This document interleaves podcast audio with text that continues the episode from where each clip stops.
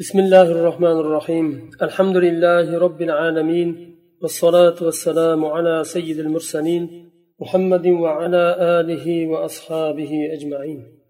اللهم علمنا ما ينفعنا وانفعنا بما علمتنا وزدنا علما يا عليم. قواعد الفقهية o'ninchi qoidada to'xtagandik لا مساغة للإجتهاد في مورد النص.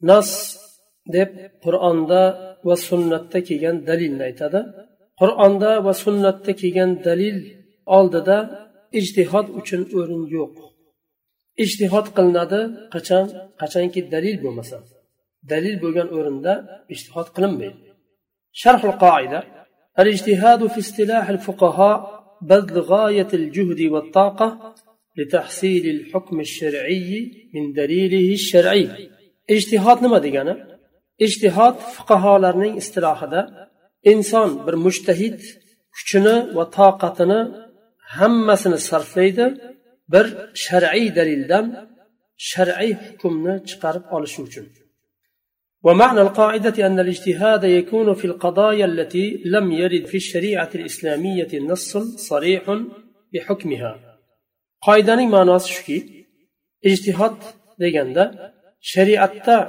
hukmi sarih bo'lgan dalil bo'lmagan o'rinda muammolarda ishtihod qilishlik tushuniladi. Dalil bo'lmagan o'rinda ishtihod qilinadi.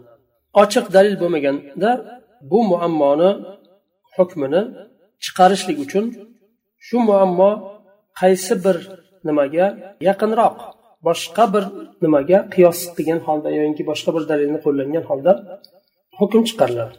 أما ما ورد النص الصريح بحكمه فلا يجوز الاجتهاد فيه أما حكم صريح بغان دليل أولددا اجتهاد قلنمي جائز مس لأن الغرض من الاجتهاد تحصيل الحكم الشرعي فإذا كان حاصلا في النص فلا حاجة للاجتهاد chunki ijtihoddan murod nima ijtihod qilishdan maqsad shar'iy hukmni chiqarib olishlik bu masalani hukmi nima ekanini chiqarishlik agar dalilda shu masalaning hukmi sarih ochiq bo'lib turgan vaqtda ijtihodga nima hojat bor?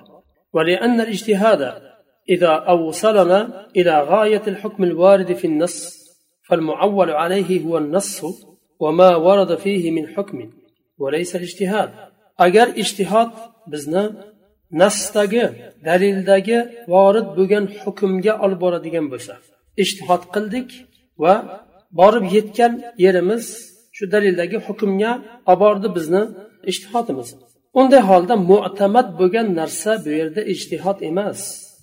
Dalil va dalildagi hukm.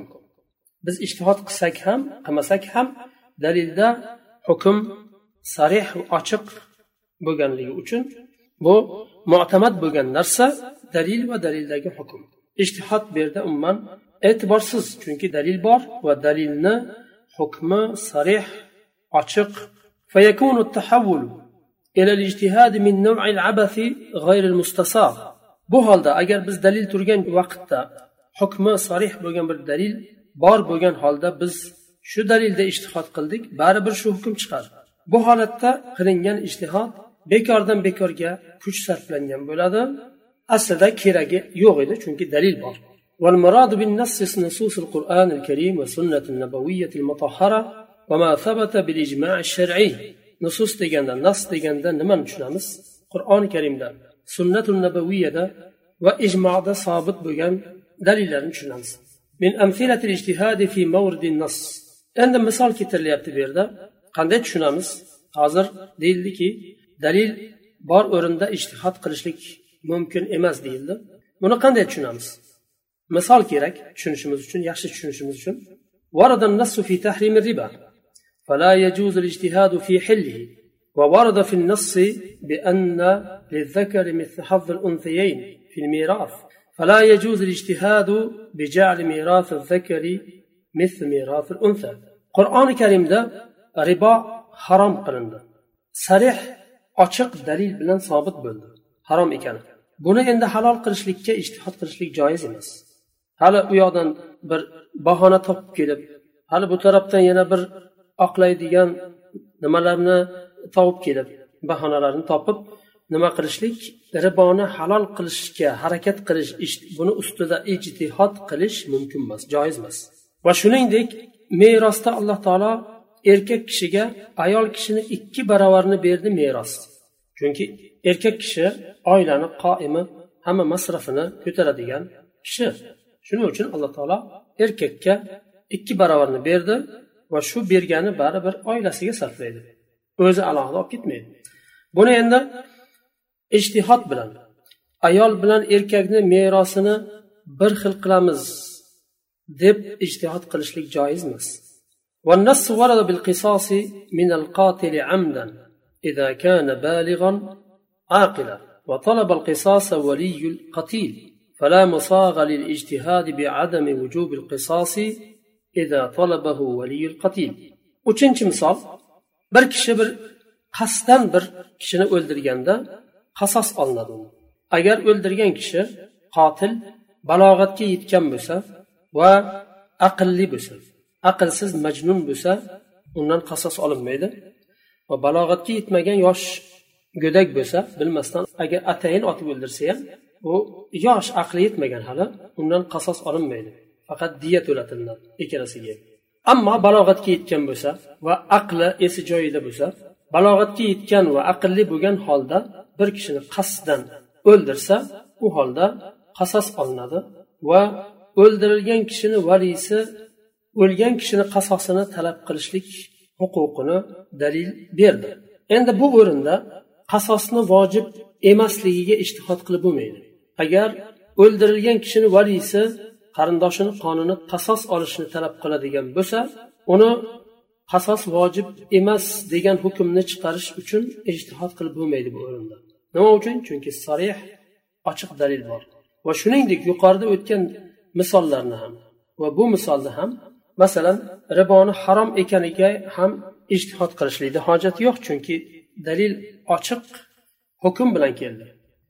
riboni harom ekanini isbot qilamiz deb dalilni ustida ijtihod qilishga hojat yo'q va qasosni vojib ekanini ham isbot qilishlik uchun hukmini ijtihod qilishga hojat yo'q chunki dalil sarih holda kelgan والنص ورد في بتحريم القمار فلا يجوز الاجتهاد بحله بحجة زيادة موارد الدولة المالية to'rtinchi misol qimor qimorbozlikni alloh taolo harom qildi Dalil keldi. Ochiq hukmi sarih bo'lgan dalil sobit bo'ldi.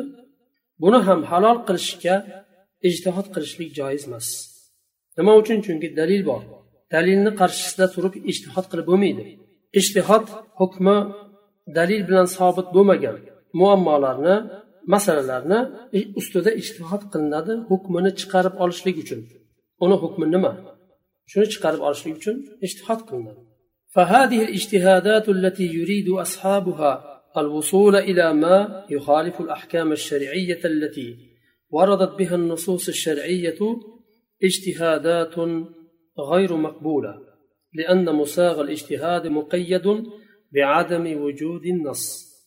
endi bu ishtihodlar yuqorida to'rtta misol keltirildi shariatda qur'onda sunnatda ya ijmo bilan sobit bo'lgan dalilni qarshisida turib ijtihod qilishlik va shariat ahkomlariga xilof bir hukmga erishishlik uchun qilingan ijtihodlar bular maqbul bo'lmagan qabul qilinmaydigan ijtihoddir noto'g'ri botil ijtihod ya'ni. Chunki ijtihod dalil bo'lmagan bo'lmasligi bilan muqayyat bo'lgan. Agar dalil bo'ladigan bo'lsa dalilni qarshisida ijtihod qilishlik mumkin emas joiz emas shariat bunga izn bermaydi.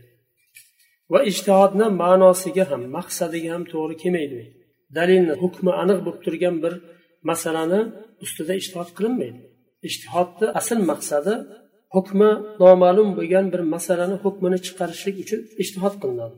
Lekin hukmi ma'lum bo'lib turgan masalani ustida ishtihod qilishlik to'g'ri bo'lmaydi. shu yerda to'xtaymiz keyingi darsda inshaalloh o'n birinchi qoidadan davom etamiz سبحانك اللهم وبحمدك أشهد أن لا إله إلا أنت أستغفرك وأتوب إليك